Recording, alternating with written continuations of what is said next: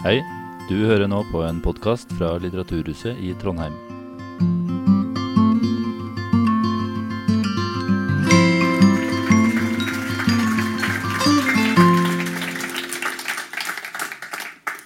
Så koselig at så mange kom. På en mandagskveld òg.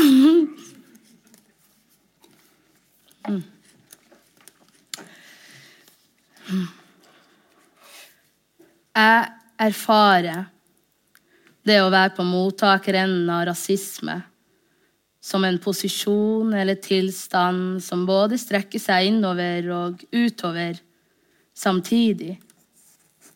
Jeg er mottaker og vitne. Det er jeg, ikke den som har plassert meg i det rommet, som har ansvar for alt som kan komme av ansvarliggjøring eller videre dokumentering. Jeg mener at rasisme som fenomen er intensivering av menneskelig ensomhet. For hver episode glir jeg mer og mer fra verden og fra meg sjøl. Jeg mener at rasisme som fenomen fører med seg altomsluttende fremmedgjøring. Når noen peker på min hudfarge, er det som om jeg blir innestengt der. Etter å ha vært årevis i mottakerenden har jeg kommet til at posisjonen som avsender plasserer seg sjøl i når hen, bevisst eller ubevisst, sier eller gjør noe rasistisk, er en maktposisjon. Jeg mener at avsenders maktutøvelse får tre ting til å skje samtidig. A. Mottaker blir satt på plass. B.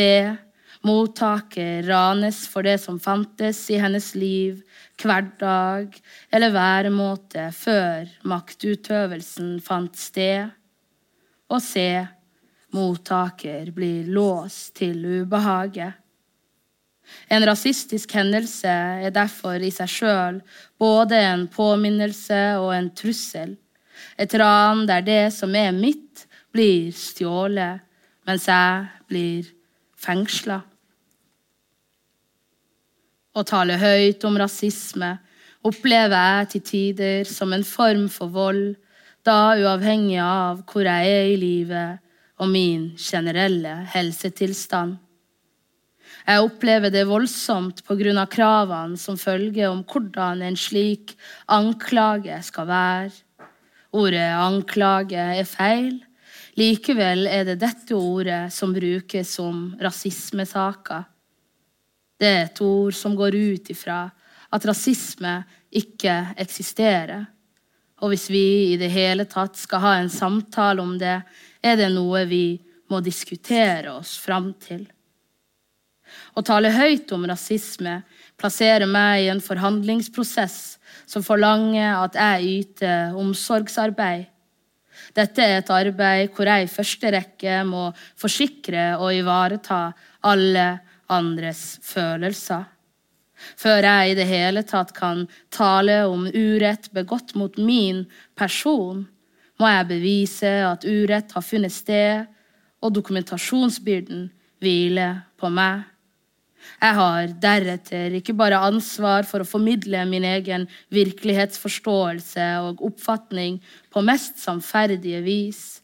Jeg må også unngå å ikke legge uforholdsmessig mye skyld og ansvar på den andre. Jeg mener at det skal lite til før jeg blir anklaga for å legge uforholdsmessig mye skyld og ansvar på andre. Skal jeg tale om rasisme, må jeg på forhånd tenke over hvilke ord og begreper som jeg bruker.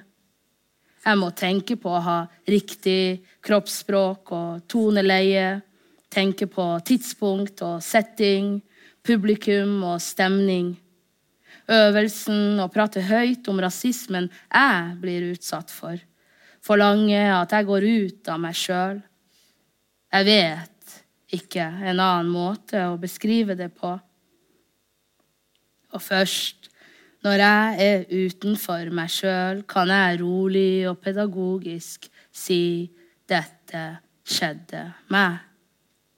Etter å ha erfart dette i årevis og sett andre gjøre det samme, framstår kravet om objektiv saksfremstilling som samtalens aller høyeste mål.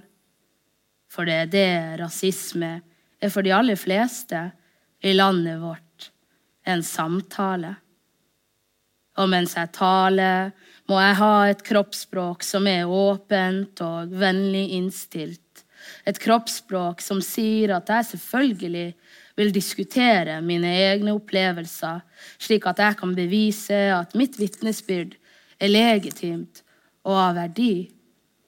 Dette er ikke bare en oppskrift jeg har registrert, men også internalisert.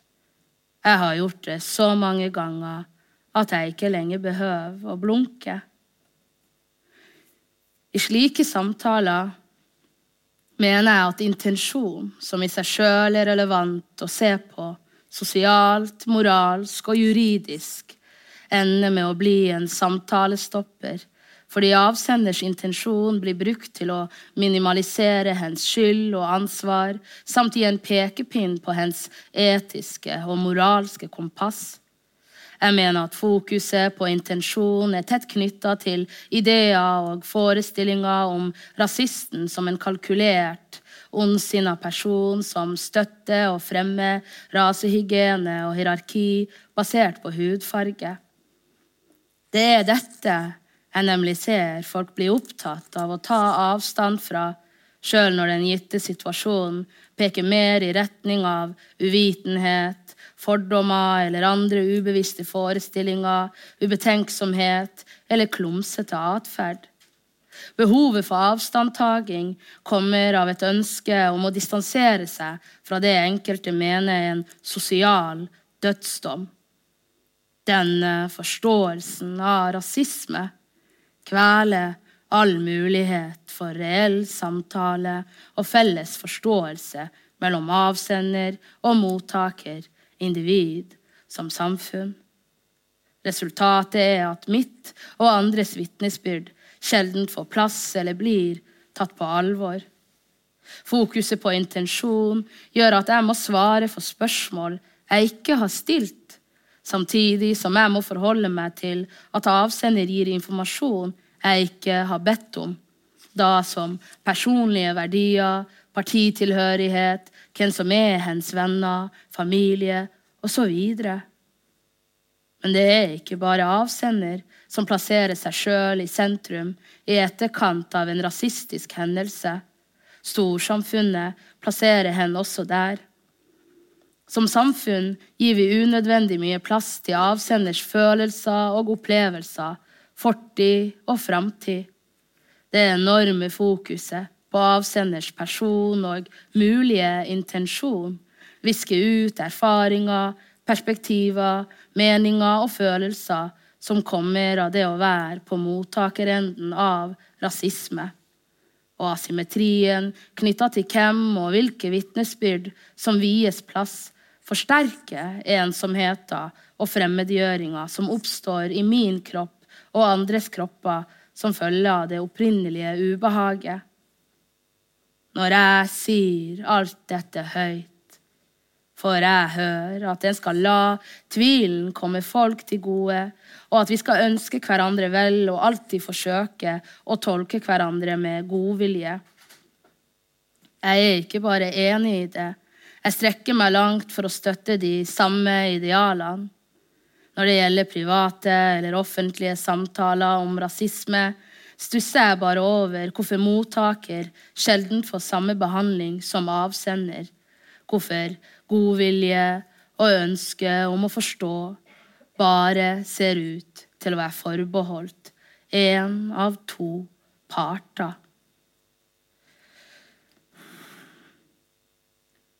Jeg har kommet til å forstå at belastninga av rasisme for meg er tredelt den rasistiske ytringa, handlinga eller situasjonen i seg sjøl. Min reaksjon eller mangelen på den.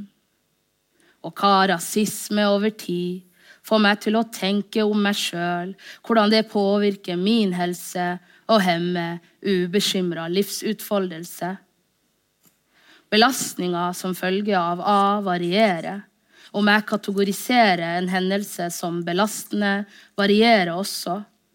Det varierer med min generelle helsetilstand, om jeg er tilfreds med livet før hendelsen, og om jeg har forfatter Tony Morrisons ord langt framme i hodet. The function, the very serious function of racism is distraction.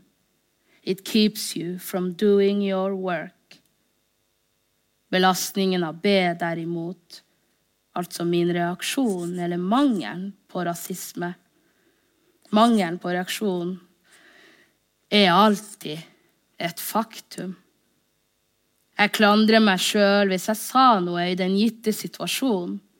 Det gjør jeg også hvis jeg ikke sa noe. Dette er den klassiske 'damned if you do, damned if you don't', bare at det er jeg som fordømmer meg sjøl. Jeg pisker meg sjøl i ettertid for måten jeg reagerte på, for måten jeg ikke reagerte på, for hva jeg sa, for hva jeg ikke sa. Jeg pisker meg sjøl for det jeg ikke kan kontrollere. Jeg gjør det fordi jeg er den eneste jeg kan kontrollere. Det er først etter å ha opplevd en årrekke med rasistiske angrep i det virkelige liv og i sosiale medier, at jeg har forstått hvor belastende punkt C er. Nemlig hva rasisme over tid får meg til å tenke om meg sjøl hvordan det påvirker min helse og hemmer ubekymra livsutfoldelse. Dette gjelder ikke øyeblikket eller den aktuelle tidsperiodens smerte eller begrensning, men det som kommer over tid, i mitt tilfelle smerten som kommer over år. For meg virker det som traumerespons, men også som en form for internalisert rasisme og fordi jeg tidligere ikke har hatt et språk for eller forstått hva rasisme gjør med meg, fordi jeg ikke har fått prosessert hendelsene eller forstått at forfallet kan skje over tid, har jeg havna i et punkt der den ene rasistiske hendelsen eller situasjonen kan aktivere andre som kom før denne. Professor Alvin Posant har beskrevet den kumulative virkninga av mikroaggresjoner, altså hverdagsrasisme, som 'death by a thousand nicks'. Det som kan virke lite og ubetydelig, kan bli inngrodd fiber i ens vesen og få kroppen til å leve i en konstant tilstand av årvåkenhet. Tusen takk.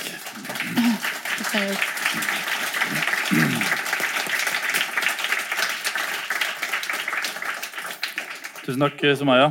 Her var et eh, utdrag fra eh, boka som kom i fjor høst, 'Et liv i redningsvest', som du utga etter å ha vært eh, borte fra offentligheten en stund. Så kom den boka, og så kom du også tilbake. Og der er vel den, ja, Det blir jo den fjerde samtalen du har om boka, for du hadde en eh, tidligere i dag her også for uh, videregående elever. Så nå skal vi snakke for et litt mer voksent publikum om altså et liv i redningsvest. og hva, altså, altså Bare tittelen, hva, hva, betyr den? eller hva, hva, hva henspiller den på? Altså Det er et bilde av meg og min Jeg er hun i blå. Og det er min yngste lillesøster Hayat, som er fire år yngre, yngre enn meg. Øredobba mine, sorry. Um, hun var veldig glad i å sovne um, under fotografering. Og jeg var jo veldig oppmerksom på dette som storesøster, så jeg pleide alltid å bare liksom, liksom holde henne varsomt i hodet når hun holder på å duppe av. Og da var jeg alt, det, det var meg som var hennes redningsvest. Og med det så mener jeg at det skal egentlig så veldig lite til for å redde hverandre, samtidig som det også skal både veldig lite og veldig mye til for å plassere hverandre, for å plassere hverandre i situasjoner der kropper som min må ta på seg eller finne opp eller lage sin egen redningsvest. Mm. Altså, man får et klart inntrykk av i boka at du, du, du har jo opplevd enormt uh, mye. Uh, og mye av det skyldes jo at du har vært en offentlig person egentlig helt siden du var uh, 19 år. Mm. så i tillegg til alle de 18. 18, unnskyld. Mm. så i tillegg til alle de liksom Altfor ung. Ja, Så i tillegg til liksom, alt det du har opplevd på skole, i barndom, på gata, så du, har du i tillegg, tillegg, fått massivt med hets gjennom kommentarfelt og sånne ting. Så det blir så, så, jeg vet ikke. det er sikkert mange her som har lest boka, men det slo meg i hvert fall at Uh, altså et, et, altså da George Floyd ble sånn drept for tre år siden, uh, så gikk det ikke lang tid før uh, reaksjonen også kom hit til, til Norge. Det var en, jeg husker veldig tidlig at det var en demonstrasjon foran Stortinget. og Da tenkte jeg liksom fordomsfullt å nei, skal liksom, enda en gang så skal vi liksom bare ta en sånn amerikansk kontekst til Norge og liksom se på det som like forhold. Mm. Men jeg rakk jo egentlig ikke å tenke den tanken helt ferdig før uh, Black Lives Matter i Norge, eller i hvert fall reaksjonen etter, uh, etter, det som skjedde i Minneapolis, ble noe helt annet. For at det kom en sånn strøm av vitnesbyrd fra ulike mennesker fra hele landet som fortalte om alt fra utvetydig grov rasisme til sånne eh, sånn på en måte uskyldige hendelser. Da, som f.eks. at eh, eldre kvinner eh, vil ta på håret til ei adoptert jente fra Sør-Korea. Mm. Altså at du har et sånn enormt spenn. og hele det spennet fins også i denne boka. Altså, men hva er det på en måte Hva, hva gjør rasisme? Mm. Jeg skriver jo innledningsvis i det, altså det en det jeg leste, er jo fra eseistisk, den eseistiske inngangen. Og hele Altså, denne ideen altså, Denne boka, eller dette bokprosjektet, starta egentlig i 2017. Da min venninne Jeg var 19 år gammel, jeg gikk med voldsalarm pga. hets og sjikane, og fordi det fantes folk som ikke tålte. Og de fins jo ennå, de tåler ennå ikke mitt tryne på meg. men... Og som ville gjøre meg vondt. Da Og da utstyrte politiet meg med voldsalarm første gang. Og venninna mi Nina sa du opplever jo altså, hets begge fronter. Du opplever hets på sosiale medier, der du får det på alle dine plattformer. Og så opplever du det i det virkelige liv når du reiser rundt som et ungt skrivende menneske, eller når, bare, når vi bare er i gata, eller vi er på en restaurant, eller vi er bare ved en bar, eller ja. Øh, og da ba hun meg om å skrive om disse hendelsene. Og den første Men jeg, jeg, jeg tok det jo ikke på alvor.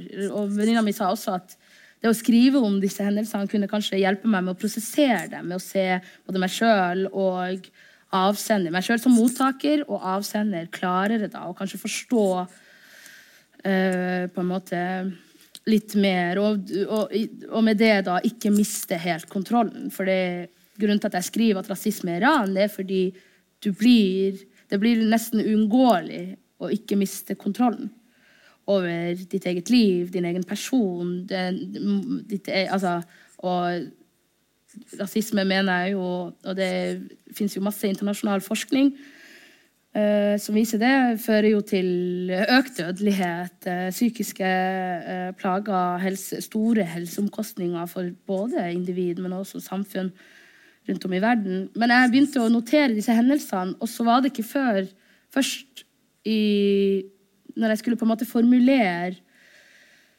når jeg skulle forklare dette, bok, dette bokprosjektet da, jeg, det, i en samtale med en eller annen person som jeg ikke klarer å huske og da, Det var litt sånn skrytete. Jeg ble spurt hva driver du med nå sånn bokprosjektmessig. Og da kom jeg på jeg har jo dette manuset liggende. Og det var jo ikke noe manus, det var jo bare notater. Jeg var der, dette skjedde, han sa det, hun sa det. Det var ikke, ikke noe manus. Men jeg, skulle, jeg kom på det, og jeg skulle skryte av det. Og så Fordi selvbedrag. ikke sant? Alle her kjenner til det. Men, øh, og liksom performativitet Ja, jeg vet ikke. Øh, litt forskjellige ting. Men øh, det var først når jeg skulle forklare det, at prosjektet ble tydeligere. Dette prosjektet som, jeg, som ikke var noe prosjekt. Fordi da sa jeg at jeg er opptatt av å og det hadde jeg nok blitt. ikke sant? Jeg har jo diskutert og skrevet om disse, eh, disse størrelsene, eller dette fenomenet rasisme, hva det gjør med meg, i likhet med veldig mange andre i flere år. men da sa jeg til denne personen, som jeg ikke klarer å huske ennå, at jeg er opptatt av å dokumentere mengden den enkelte kropp kan bli utsatt for. Og da siterte jeg min venninne som ga meg dette, ideen til dette prosjektet, som sa prøv å finne, liksom, skape den koblinga mellom det virtuelle og det virkelige, altså hverdagen, og hvordan det du får eh, på sosiale medier, tar, altså, tar større og større, større plass i din hverdag, samtidig som du også har ubehaget som allerede eksisterer i din hverdag. Prøv å en, bygge en bro mellom det, da, fordi det er ikke to ulike landskaper, men én og samme. For de bygger på samme språk og blikk og osv. Uh, men når jeg faktisk gikk inn i dette manuset, da, desember 2022, når jeg var alvorlig syk et, i etterkant av uh, Barboka-hendelsen, så Som jo er veldig rart, at jeg er, jeg er så syk. Jeg er i Bodø hos mora mi, og jeg går intuitivt til dette forferdelige Da, det da var det på 50 noen sider med bare liksom veldig korte altså Da hadde jeg notert siden 2017. Og jeg går inn i det i 2022. Eh, jeg gikk intuitivt til det. Jeg var syk pga. rasisme, men samtidig så befant jeg meg i en tilstand som gjorde at jeg tenkte klarere om det om den måte lidelsen eller den smerten som jeg har båret i hele mitt norske liv. Um, og jeg skrev, jeg husker mamma, mora mi var veldig sånn skeptisk. Hun var sånn, jeg tror ikke du burde gjøre dette, men jeg var sånn, det kjennes faktisk riktig.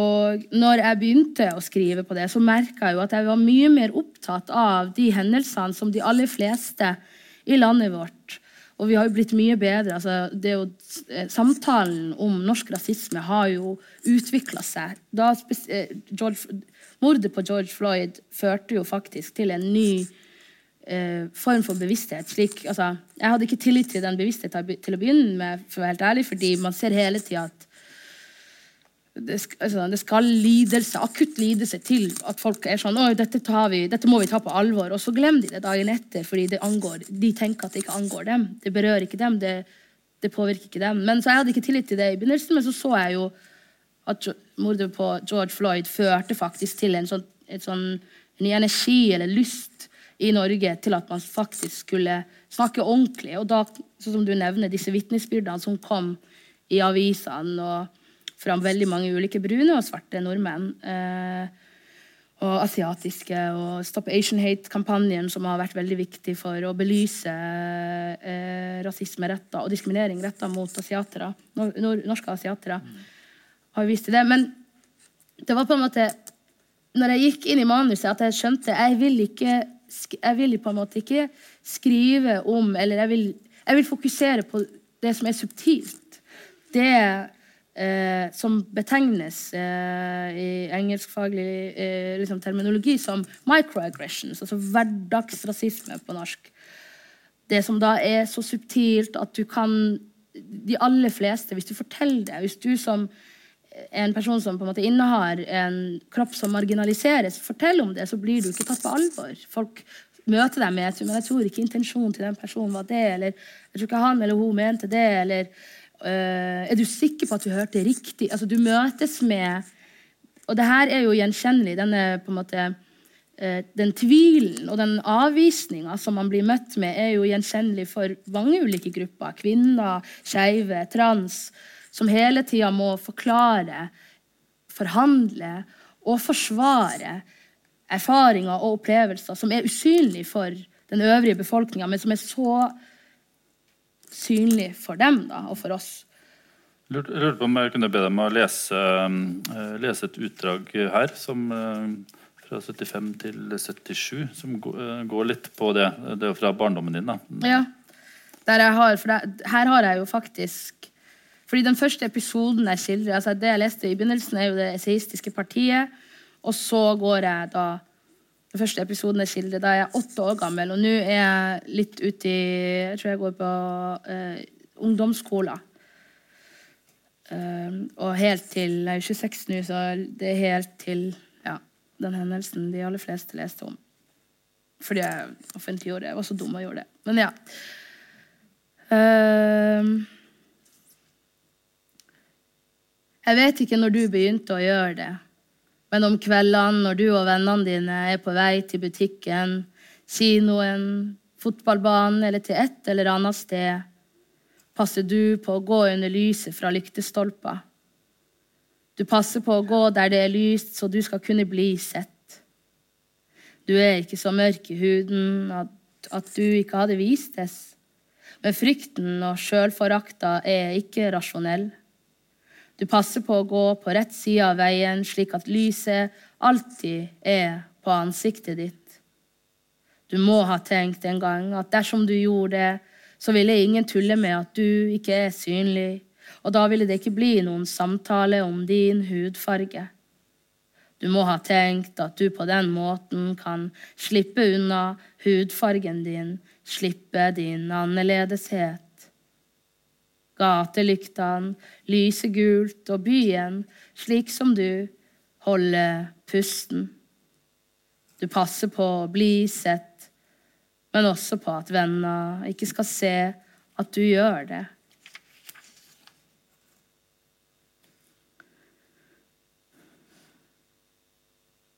Jeg ser deg som sitter ved en pult i et klasserom, men jeg klarer ikke å plassere hvilket år eller hvilken klasse det er, og jeg kan nå, mens jeg skriver til deg, kjenne hvorfor du ikke lot slike detaljer feste seg. Jeg husker venninna som satt ved de side, for hun var den eneste som ikke lo når noen slo av lyset og spurte hvor du ble av. så redd du var for å forsvinne. Tusen takk. Du, du har snakket om uh, at uh, rasisme gir hypersensitivitet. Uh, hva, hva, legger du i det? Det er jo sånn den her, for eksempel. Denne episoden der jeg har, jeg har da på en måte jeg, jeg har blitt titulert har, Det er flere episoder før den der jeg skriver om hvordan det er å bli sunget neger, neger, neger til som åtteåring. Bli skreket jævla neger til i, når jeg er på tannlegekontoret og skal ha sånn sjekk på uh, Jeg gikk med tannregulering på den tida. Jeg var tolv år. Ble skreket til av en fremmed kvinne, En voksen kvinne.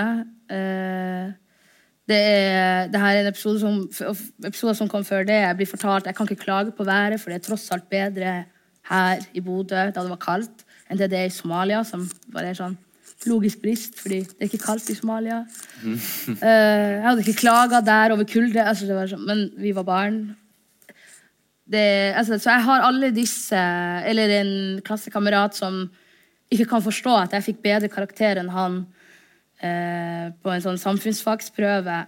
Eh, og han gjentar det hele tida. Hvordan kunne du få bedre karakterer? Men, altså, der er det veldig subtilt òg. Mm. Men det er Så eh, jeg har internalisert alt dette. Jeg har fått alle disse opplevelsene, både fra folk jeg omgås, både frivillig, ufrivillig, i skolesammenheng, og andre som jeg kaller venner og er glad i, men også vilt fremmede i ulike rom jeg må forholde meg til og befinne meg i. Og, og, jeg tar det til meg, og det raner meg. Det er det jeg mener. Jeg var et så liksom, Unge mennesker Når du er lita, når du er et barn, så er jo det er jo nok i seg sjøl å være så tynga av at du ser kroppen din vokse, og du, har, du utvikler emosjonsregister og du utvikler personlighet. Altså, det er veldig mye som skjer. Og det er på toppen av det opplever hele tida å bli konfrontert med et sånt gjennomtrengende, negativt og problematiserende syn på ikke bare hvordan du ser ut, men på den plassen du tar. På din tilstedeværelse og din eksistens i dette landskapet. De to gjør jo altså, Den ene hindrer jo den indre, naturlige utviklinga stagnerer den, forstyrrer den, og den gjør at jeg mister meg sjøl.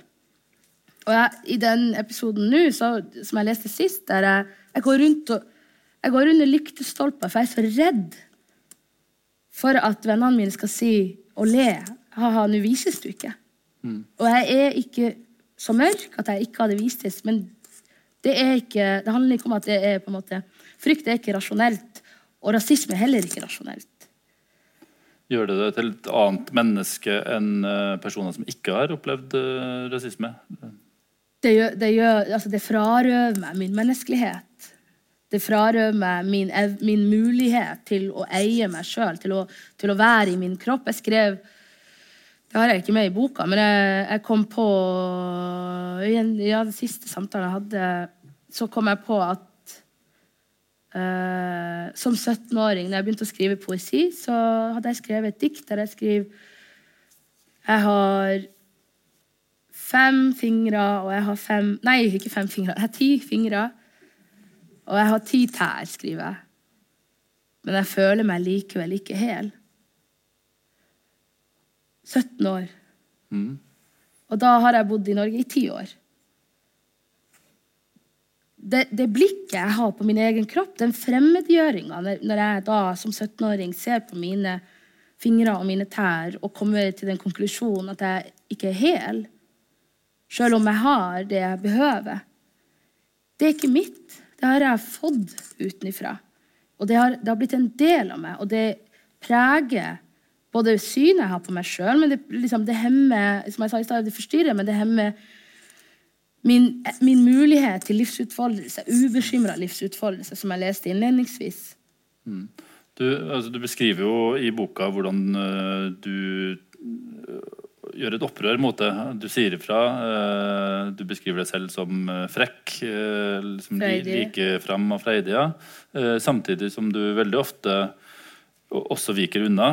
Og så beskriver du situasjoner med mora di, eh, mm. særlig en som eh, gjør sterkt inntrykk hvor dere er på et kjøpesenter, hvor du reagerer på at mora di ikke tar de der kampene. Mm. Eh, er, det, altså, slags, er det et slags sånn generasjonsaspekt i det her også?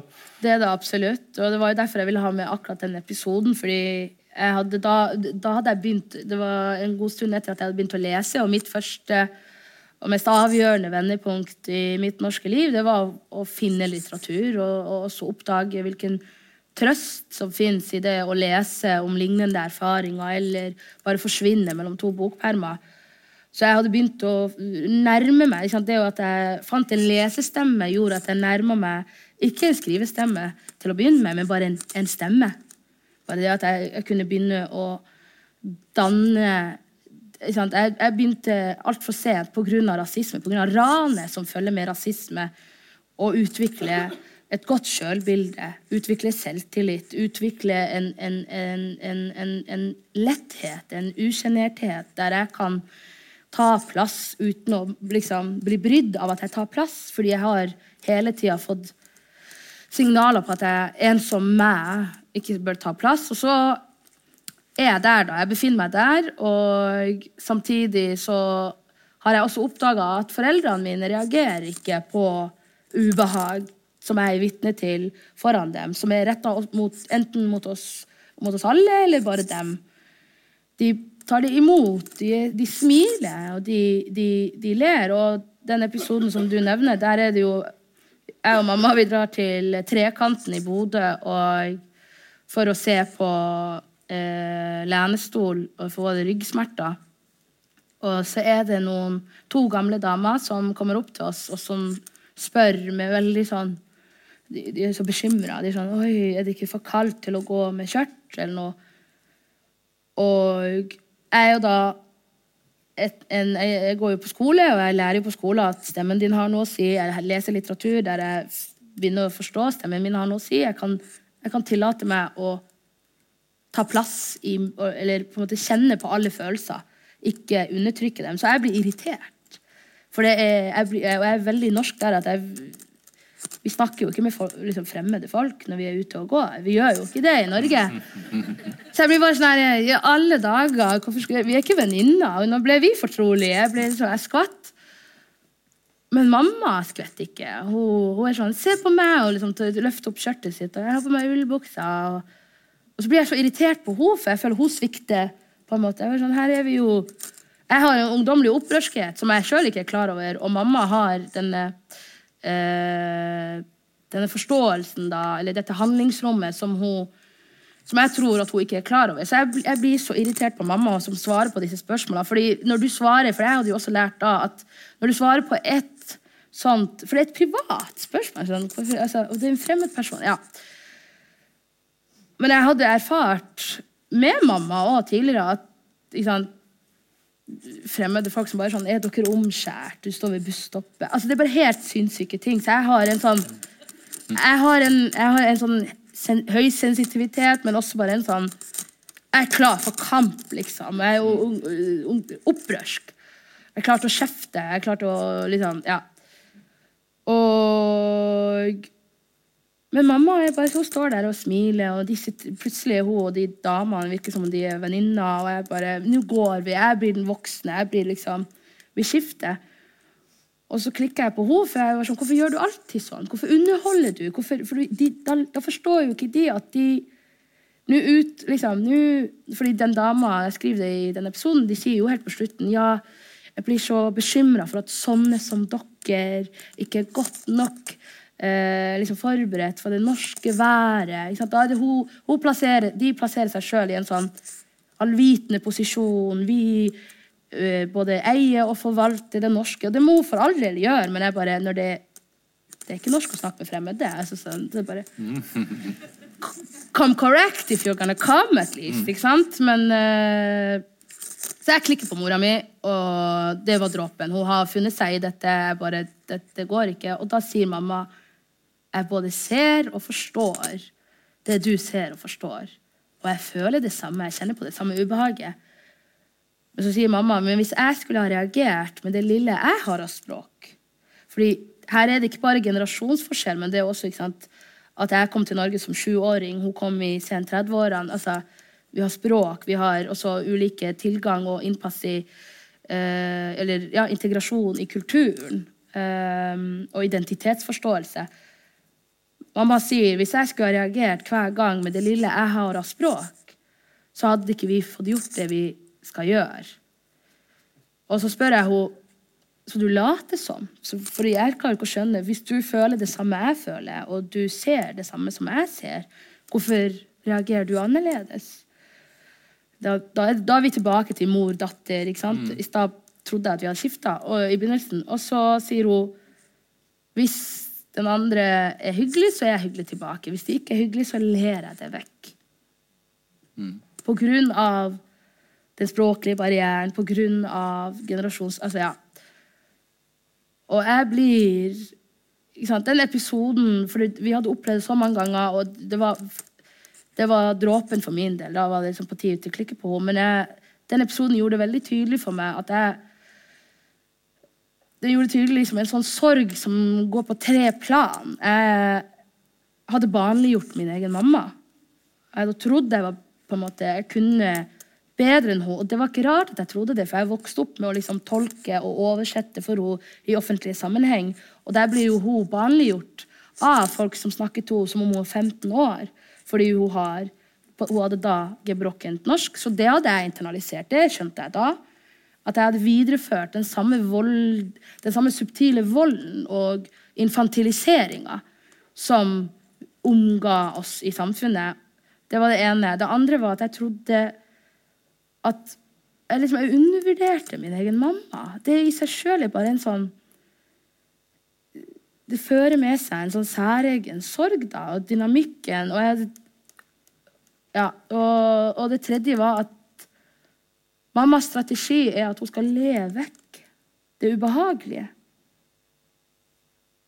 Og jeg skriver mot slutten at jeg sto der som hennes lille soldat og jeg svarte på om den, de lenestolene hun prøvde. Hun var helt sånn ubekymra. 'Funker denne? Er den en fin farge?' Jeg bare mm, nikka. Men jeg var bare i hodet mitt, for jeg, var bare, jeg forsvant egentlig fra meg sjøl etter den episoden, for jeg skjønte så mye, da. Så det er, det, det er, og jeg, når jeg skriver om faren min nå, så er jeg også inne på generasjonsforskjeller. Fordi jeg har altså, det som, altså Privilegiet av å vokse opp i Norge som barn er jo at jeg, jeg, jeg har en helt annen tilgang på norskhet og norsk identitet og kultur enn det mine foreldre har. Og det igjen forsterker og øker avstanden innad i en og samme familie som blir utsatt for det samme. Nå er det jo en, en ny generasjon som kommer, da. Eh, som har vokst opp i Norge, som kan norsk, som har trådt ut i offentligheten, blitt off offentlige personer. Du har selv opplevd veldig mye hets. Eh, det skjer jo mange.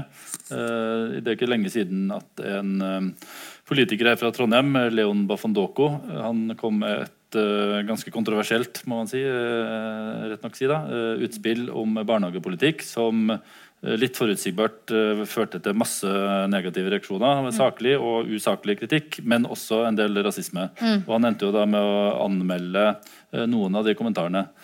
Og da tenker jeg også, altså, Du får 10 000 kommentarer. og så skal du, altså, hvor, altså, Hvordan skal du forholde deg til den typen uh, hets og rasisme? Skal du liksom drive og anmelde hver eneste gang, mm. eller må du stenge av noen ganger? Hvordan finner du balansegangen mellom det å liksom, uh, stå i det og være det selv, og samtidig uh, stå imot den typen reaksjoner? Jeg har jo, når jeg altså når jeg begynte å nærme meg slutten av denne boka, så skjønte jeg jo at jeg, tro, jeg som hadde trodd at jeg hadde reagert hver gang og sagt ifra hver gang, hadde egentlig i mye større grad flykta fra ubehaget. Og jeg, når jeg begynte å skrive og jeg begynte å få um, oppmerksomhet og da negativ, altså sånn drapstrusler og alt sånt der, eh, og jeg anmeldte sjøl, så skjønte jeg etter hvert det er så tidkrevende. Du, du, forblir i ubehaget. Og det siste jeg vil, er å forbli i ubehaget. Og det var jo så massivt òg eh, at da var det organisasjoner, altså så Antirasistisk Senter i Oslo, som måtte anmelde for meg. Men det var ikke alltid at jeg ville at de skulle gjøre det heller, fordi det Altså Altså det er jo, altså, En ting er jo å bli blir konfrontert hele tida. Det kan skje når som helst. en av de to sitatene jeg innleder boka med, er jo Amy Cesar fra boka om kolonialisme. For han skriver scenen er en annen, men det er det samme stykket. Til og med samme aktør. Hard, ubøyelig, uten skrupler. Når du skjønner Når du kommer til den konklusjonen som jeg kom til sent i livet, vil jeg si, der du forstår at rasisme er ran, og og du har både Amy Cesars presise beskrivelse av at rasismen er alltid tilstedeværende, eller den kan dukke opp i alle liksom, Uansett rom, uansett situasjon, uansett setting. Du har den forståelsen, og på den annen side så har du Tony Morrison, som jeg leste i stad, som sier og på en måte rasisme er en distraksjon. Så da har du på en måte sånn OK, skal jeg reagere? Skal jeg ikke reagere fordi det kommer alltid til å skje. Jeg kan, jeg kan ikke kontrollere det, og jeg kan ikke avvise det. Og hvis jeg, hvis jeg, forsøker å kontrollere eller avvise eller ikke gå med på de premissene, så blir jeg fortalt at jeg er for til å være der. Altså sånn, det, det bare Du kan aldri vinne, da. Så da er da, Spørsmålet er ikke om man skal anmelde hver gang. Spørsmålet er om man skal jeg, jeg, Hele med dette, hele poenget med denne boka er å tenke, snakke mindre om avsender. Om man skal liksom ansvarliggjøre avsender. Om vi som samfunn skal våkne opp og forstå uh, at intensjon ikke er det viktigste. Hele poenget er kan vi snakke mer med mottakerne. Hvordan er det å være på mottakersida? Hvordan er det å være revet mellom den herre dragkampen mellom reagere, ikke reagere. Hvis jeg reagerer, så blir det verre. Hvis jeg ikke reagerer, så blir det verre, fordi da føler jeg svikta meg sjøl.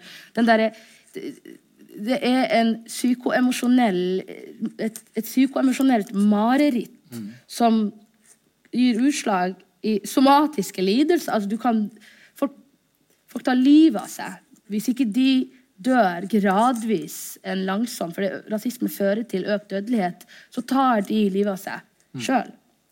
Men bare for å nevne, altså, du, Som du sier, boka handler om mottakerne og ikke om avsenderne. Mm. Samtidig så har jo avsenderne en ganske viktig rolle i boka, for det er de som produserer all rasismen. Eh, og så er det likt og ulikt, stort og smått, alle mulige forskjellige typer hendelser. Og av de typene som du har nevnt, er jo f.eks. den med kjøpesentre med sånne velmenende damer som Å, er det ikke veldig kaldt for sånne som mm. dere her? Og sånne ting. Og jeg opplever i hvert fall tidligere så har det vært veldig mange som reagerer sterkt på at den typen uh, hendelser blir karakterisert som rasisme. Da blir mm. mange sinte når man sier at det der er mm. rasistisk. og så blir de sinte, og så, og så ender det med en sånn diskusjon uh, hvorvidt det er rasisme. det må de for aldri, altså, folk må for aldri bli sinte. It's not my business. Det jeg tenker på, er at jeg reagerer ikke på at de damene var nysgjerrige. Jeg reagerte på to ting. Det ene var For det første, de sa 'sånne som dere'.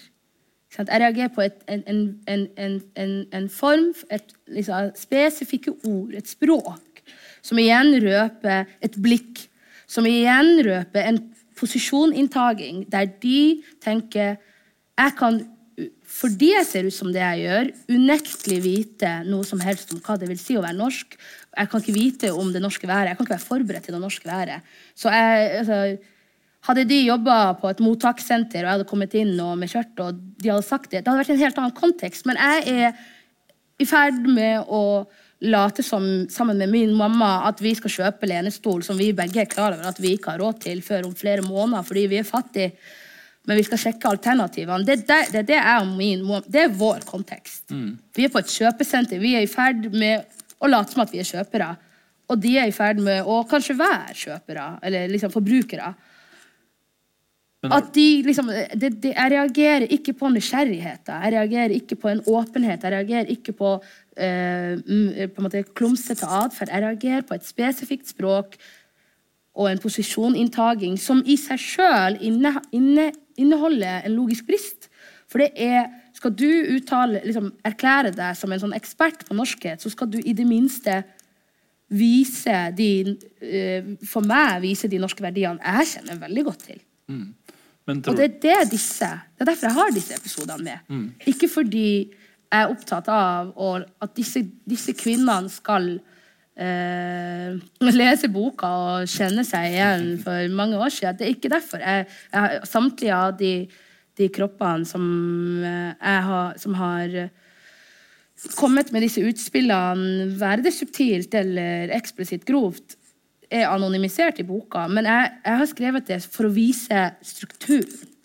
For å vise et språk, et blikk, en, en, en konstant altså For å vise det Amy Sassar sier. Er en annen, men det er det samme stykket. Mm. Og i dette stykket så jeg alltid, blir jeg alltid tildelt rollen som svart av mennesker som i det øyeblikket erklærer seg sjøl som hvit. Fordi jeg mener at det er for samfunnskonstruert til at eh, jeg, jeg, jeg, jeg, ble ikke født svart, sånn som Simone de Beauvoir skriver at hun er ikke født kvinne, man blir sosialisert kvinne. Du blir sosialisert inn i, en, i et hierarki. Mm. Fordi svart betyr negative konnotasjoner, hvit betyr mm. så videre. Men eh, så tror du samt, altså, vil ikke vitnesbyrd som der bidra til å flytte diskusjonen om rasisme? Nettopp fordi at du legger fram uh, hendelsene på den måten du gjør det? Det vil ettertida vise. Det var ikke derfor jeg skrev om det heller. Jeg skrev fra meg sjøl, som dere sikkert la merke til når jeg leser, så er det jo så bruker jeg jo både jeg og du. Jeg og du. Jeg henvender meg fra meg i dag, som skrev det, når jeg starta på boka, så var jeg 24. Eh, og så skal jeg å skrive ordentlig. Eh, ikke det der skisseaktige opplegget fra før av. Men eh, til meg som åtte, ti, tolv, meg som fem Altså he, hele veien opp til meg sjøl, da. Og i det spennet så viser jeg jo både alt fra eh, ømhet og et, et, ønske om å beskytte meg sjøl, og et sjokk og en forferdelse. Uh, jeg har sjøl blitt slått av mengden. Fordi jeg har Det har konfrontert meg med at store deler av mine norske år har ikke vært så lysbetonte som jeg trodde. Mm.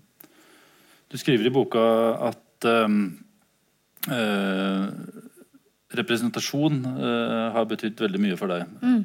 Og det har jo vært en, egentlig en gjenganger, for det var sånn du kom inn i offentligheten også. Uh, med et lesebrev som, som handla om at du var på London-tur mm. og opplevde at der er det flerkulturelle Storbritannia representert på reklameplakater i filmer og alt mulig rart. Og så skrev du et lesebrev i Side i Aftenposten hvor du på en måte etterlyste det samme i Norge. og Det var vel i 2005?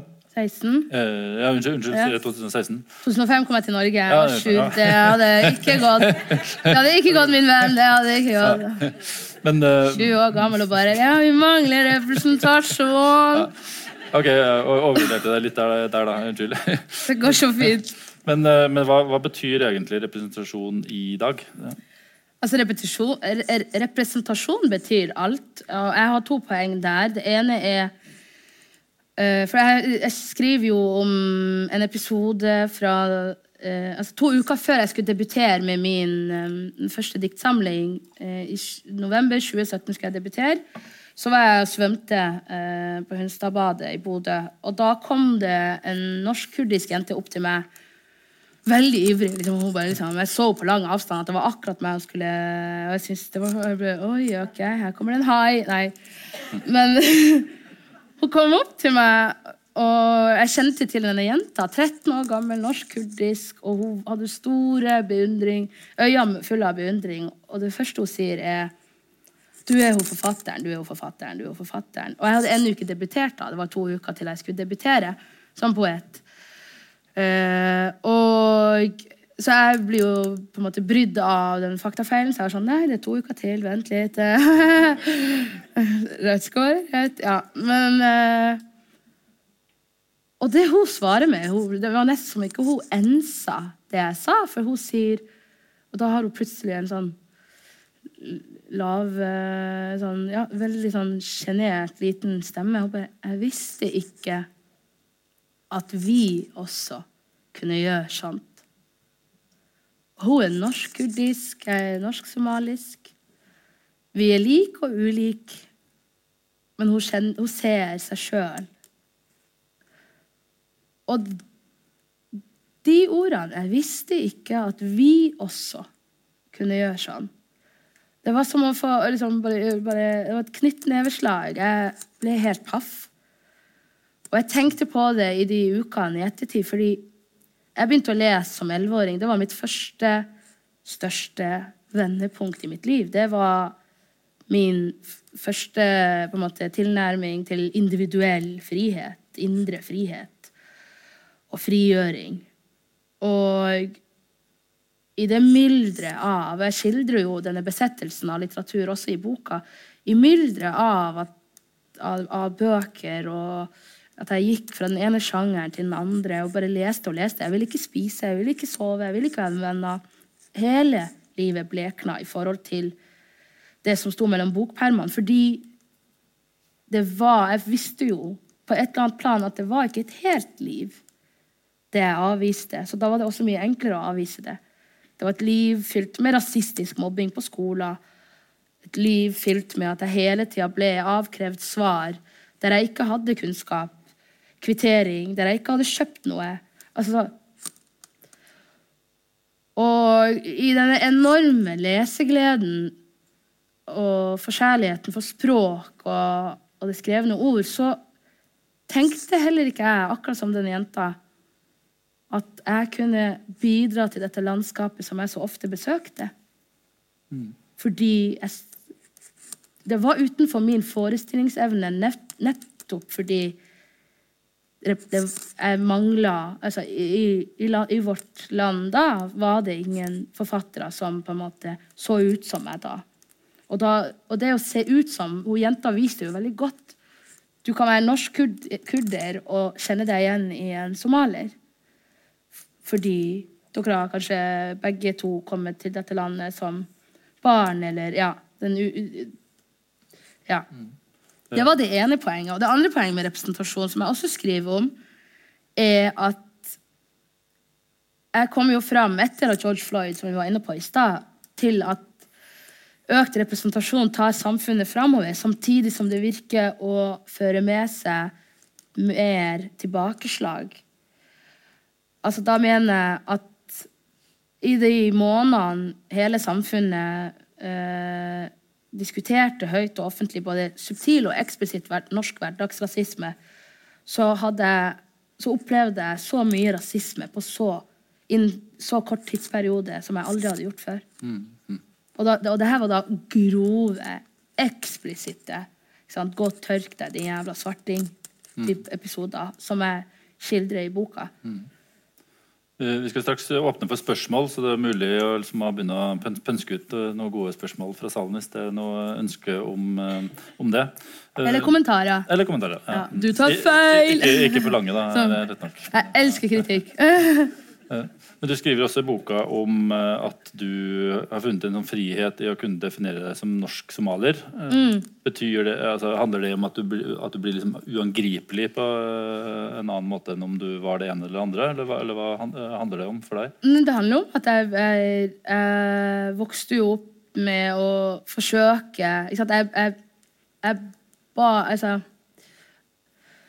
jeg, hadde bodd ti år i Bodø før vi dro til Somalia første gangen, i 2015. Og jeg ville til Somalia etter eh, Altså, jeg ville flytte fra Norge. Jeg omtalte eh, Somalia som mitt hjem første gang i 2012. Og det var da året etter eh, 22. juli.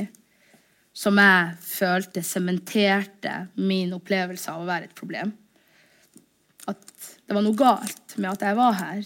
Eh, at jeg som muslim, jeg som mørk, ikke har rett eller krav på et liv fritt for diskriminering og hat. Og fordi Vi trenger jo ikke gå inn på terroristens manifest, men det var veldig eksplisitt uh, på en måte ideologien, altså grunnmuren til ideologien som førte til det verste terrorangrepet på norsk jord eh, siden krigen. Men eh, jeg, ville til, jeg, jeg ville flytte fra Norge. Jeg omtalte Somalia som mitt hjem i 2012, fordi jeg opplevde Jeg hadde da bodd i Norge i eh, mange år og aldri opplevd meg inkludert. Altså da med inkludert mener jeg at når jeg sjøl forsøkte å inkludere meg sjøl, så ble jeg hele tida ekskludert. Jeg kunne ikke klage på været, for da var jeg utakknemlig. Jeg kunne ikke eh, være ærlig om at jeg På det tidspunktet var jo praktiserende uh, ung muslimsk jente. Uh, det kunne jeg ikke være ærlig om uten at vennene mine kom med islamofobiske altså, Så det var bare Jeg måtte hele tida minske og gjemme store deler av min identitet. Og da kom jeg fram til jeg vil heller være det jeg ikke har tilgang på, rett og slett. Jeg vil heller assosiere meg med familiemedlemmer jeg ikke, som jeg ikke har møtt engang. Som bor i Somalia. Som jeg ikke har vært på i, i nærmere ti år, da. Enn mine venner som jeg møter daglig, fordi de, de ser meg ikke. De ser et bilde av meg som de vil forme. Fordi de er hele tida redd for at jeg er en terrorist, eller altså sånn Å leve med det presset, det blikket, altså det, det er så ekstremt fremmedgjørende. Og så drar jeg til Somalia, og jeg skjønner, og jeg ser familien Når jeg sa til mamma og pappa jeg, jeg vil til Somalia i 2012, jeg vil, jeg skal flytte, vi må flytte, det går ikke an. Og de visste jo ikke, jeg turte jo ikke fortale, fortelle dem at jeg var enormt øh, liksom, Jeg opplevde veldig mye rasistisk mobbing på skolen. Så de, de skjønte jo ikke hvorfor jeg ville hjem. Og de syntes det var merkelig at jeg omtalte Somalia som hjem. Og da svarte de vi er hjemme. Norge er vårt hjem. Og så drar vi til Somalia i 2015, tre år senere, og jeg innser jeg behøver ikke å avvise eh, verken det norske eller det somaliske for å passe inn, eller for at andre skal akseptere meg og si 'du hører til'. Det holder med at jeg føler at jeg hører til. Det holder med at jeg For da forsto jeg at når jeg så rikdommen i, min, i hjemlandet mitt og i vår kultur som jeg ikke hadde hatt tilgang på, så kunne jeg også samtidig se rikdommen i, min, i Norge, som også er hjem for meg. Og, og jeg sammenligna jo det, det er jo veldig mange som sier at det er først når man er borte, at man savner hjem. Men også at man ser alt man egentlig tar for gitt når man er hjemme. At man setter pris på det. Og det gjorde jeg veldig. Jeg jo Det eneste jeg hadde å sammenligne Somalia med, var jo Norge. Og det er veldig to forskjellige ting å sammenligne. Men jeg prøvde å bygge bro, og det førte bare til at jeg var litt sånn utro og var sånn her inn og her. I dag er jeg norsk, i dag er jeg somalisk. Og så kom jeg fram til jeg trenger ikke å velge. Det kan være begge delene.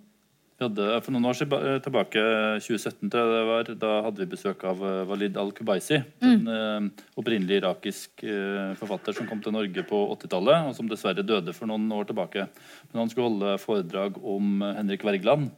Eh, Han var jo veldig opptatt av både Henrik Wergeland og Henrik Ibsen. og liksom Noe av det liksom første han sa, det var at han mente at han hadde bedre forutsetninger for å forstå både Wergeland og Ibsen enn en nordmenn, fordi at han hadde eh, levd gjennom eh, de verdiene som Wergeland og Ibsen skrev om. Og Det synes jeg var en utrolig interessant tanke, for at han brøyt opp på en måte den måten vi ser på Wergeland og Ibsen som våre eller som norske. og at man kanskje, eh, altså, tenker Du altså, du har jo nettopp holdt, eh, eller eh, deltatt i en samtale om, eh, om gift og Alexander Kielland, og bruker veldig mange referanser om uh, hverandre. Og så finnes det nye måter å definere nasjonale kulturelle fellesskap på, uh, ut ifra den erfaringa du har. Ja, absolutt. Jeg, altså, men jeg, jeg tenker på det Kubaisi sa der, er jo Altså, det, han, altså han, han viser jo bare potensialet som fins i stor kunst. Det overskrider tid, det overskrider rom, det overskrider konstruerte skillelinjer som identitet, etnisitet, religion, kjønnsidentitet, seksuell orientering altså, Stor kunst som klarer å formidle ikke bare mellommenneskelige relasjoner, men på en måte harselere med sosiale kutymer. Altså, det er jo altså, Så jeg, jeg, jeg syns ikke ja, så Jeg deler hans hans eh, syn på litteratur som er virkelig god, da. Men jeg mener jo Og jeg mener personlig selvfølgelig at vi vi, vi Altså Det er jo veldig mange som måte når, når, som møter oss som har eh, i flere år, og som fortsatt snakker om ubehaget i kulturen. Om diskriminering, om neglisjering, om altså, rasisme. Vi blir liksom møtt på vi blir møtt med en sånn aggresjon der folk sier men du fokuserer bare på forskjellene. Du fokuserer bare på forskjellene. Og, eller, eller mener du at vi ikke kan være forskjellige?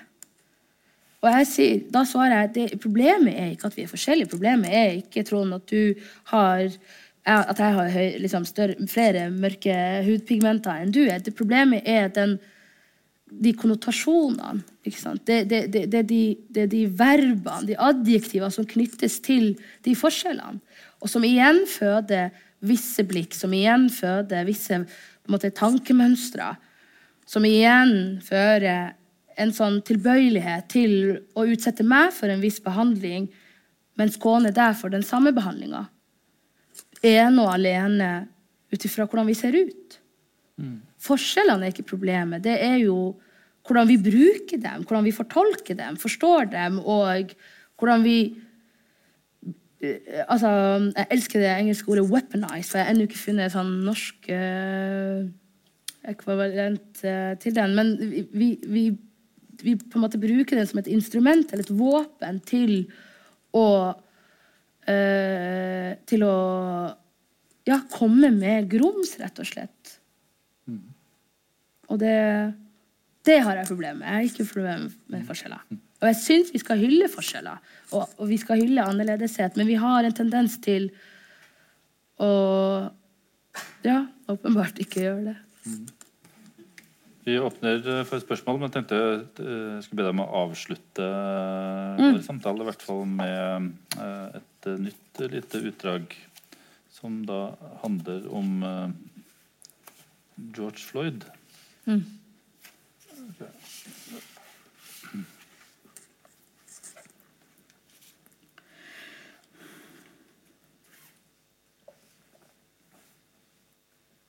George Floyd blir drept foran hele verdens øyne, og du tør ikke å se på videoen. Du velger heller å lese om det. Du går inn på engelske nettaviser og leser om kneet på nakken, gjentagelsene av ordene 'I can't breathe'. Du kan ikke noe for det. Du leser om det fordi hele kroppen din begynner å riste hvis du prøver å se de levende bildene av det. Du kan ikke noe for det, og du skammer deg sånn. Du som ellers ikke rangerer lidelse, gjør det i møte med denne videoen og alle andre videoer av svarte menn som blir mishandla og myrda foran vitner og telefonkamera. Du kan ikke noe for det. Du slutta å se på filmer av svarte kropper som blir mishandla, slutta å forholde deg til dette evigvarende maskineriet som dokumentasjonen av svart svart og særlig mannlig lidelse er etter at du begynte å se både storebror og lillebror i videoene. Du er fullt klar over at landet du bor i, og landet slikt ofte skjer i, ikke er sammenlignbar. Likevel klarer du ikke å la være å se det familiære i de fremmede kroppene. Mike Brown, hvis kropp lå død i fem timer etter å ha blitt skutt på av politiet. Alton Sterling, hvis kroppssiste stilling ligna en sjøstjerne. Ahmed Aubrey, som falt om mens han jogga. Philando Castile, som ble skutt fem ganger på nært hold i sin egen bil, mens kjæresten og hennes fire år gamle datter befant seg i samme bil.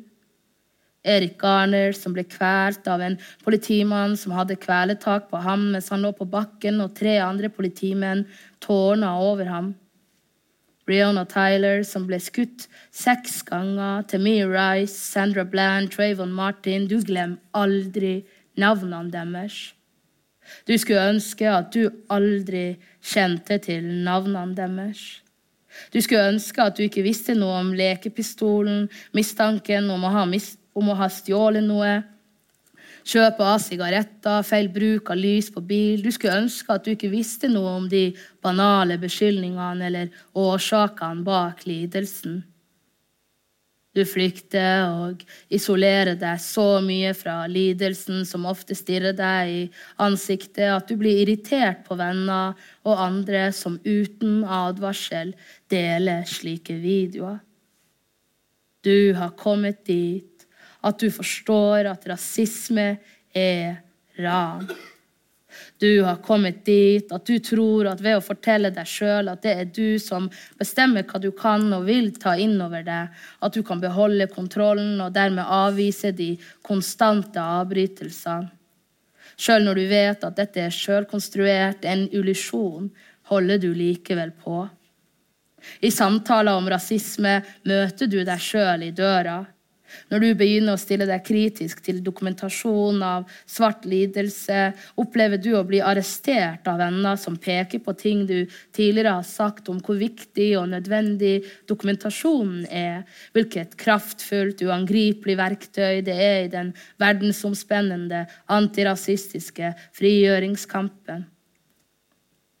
Faen, tenker du, men likevel holder du på.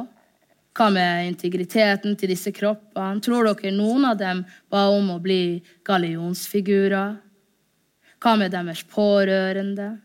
Hva tror dere de syns om at familiemedlemmene deres klistres på alle skjermer eller er i alles munn? Når skal de få sørge i fred? Du er villig til å være både hykler og feig hvis det betyr at du får sette grenser for deg sjøl og hva du vil utsettes for. Du tør ikke å uttrykke egoismen høyt, men du kjenner på den og eier den. Du flykter. Du er klar over at du flykter. Med din egoisme, feighet og hykleri flykter du fra bevisstheter som forlanger handling og kampvilje. Det fins ikke noe annet alternativ. Det er bevissthetens pris. Du flykter mot en dag som ikke gjør vondt, mot en behagelig dag, mot en dag som ikke er konfronterende eller kompromissløs, og som heller ikke forlanger slik væremåte av deg, mot en dag som bare er, flykter du. Og sjøl om du vet at du tenker på deg sjøl, er du ikke klar over at du også flykter fordi det eksplisitt voldelige i slike hendelser framhever volden som eksisterer i det trivielle du kaller din egen hverdag?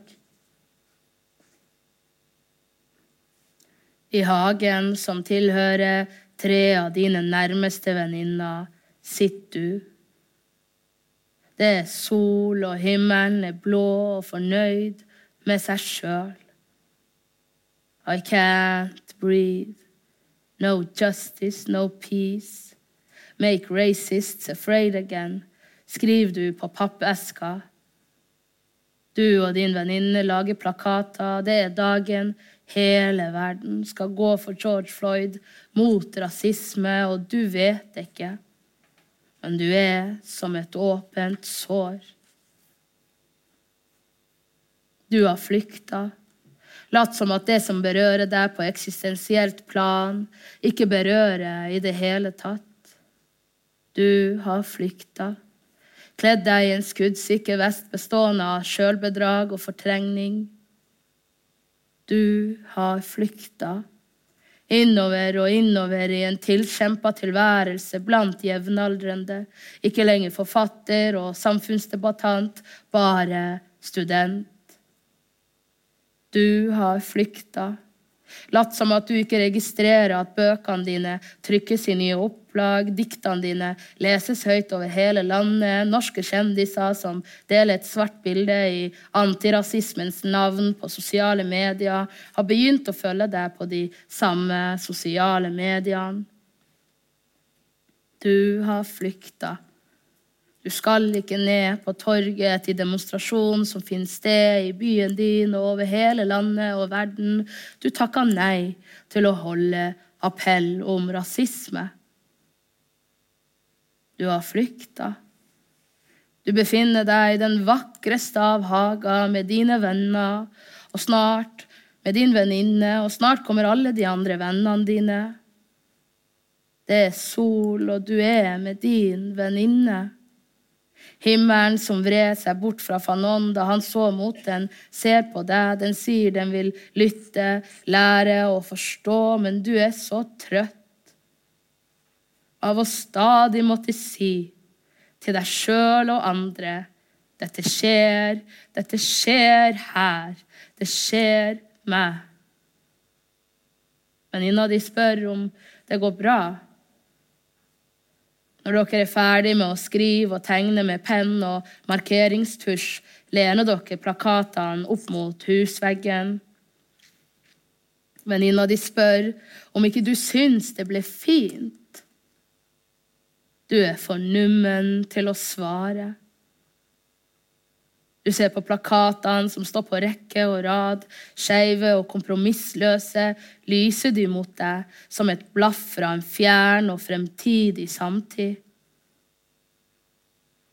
Du klarer ikke la være å tenke at det ser patetisk ut.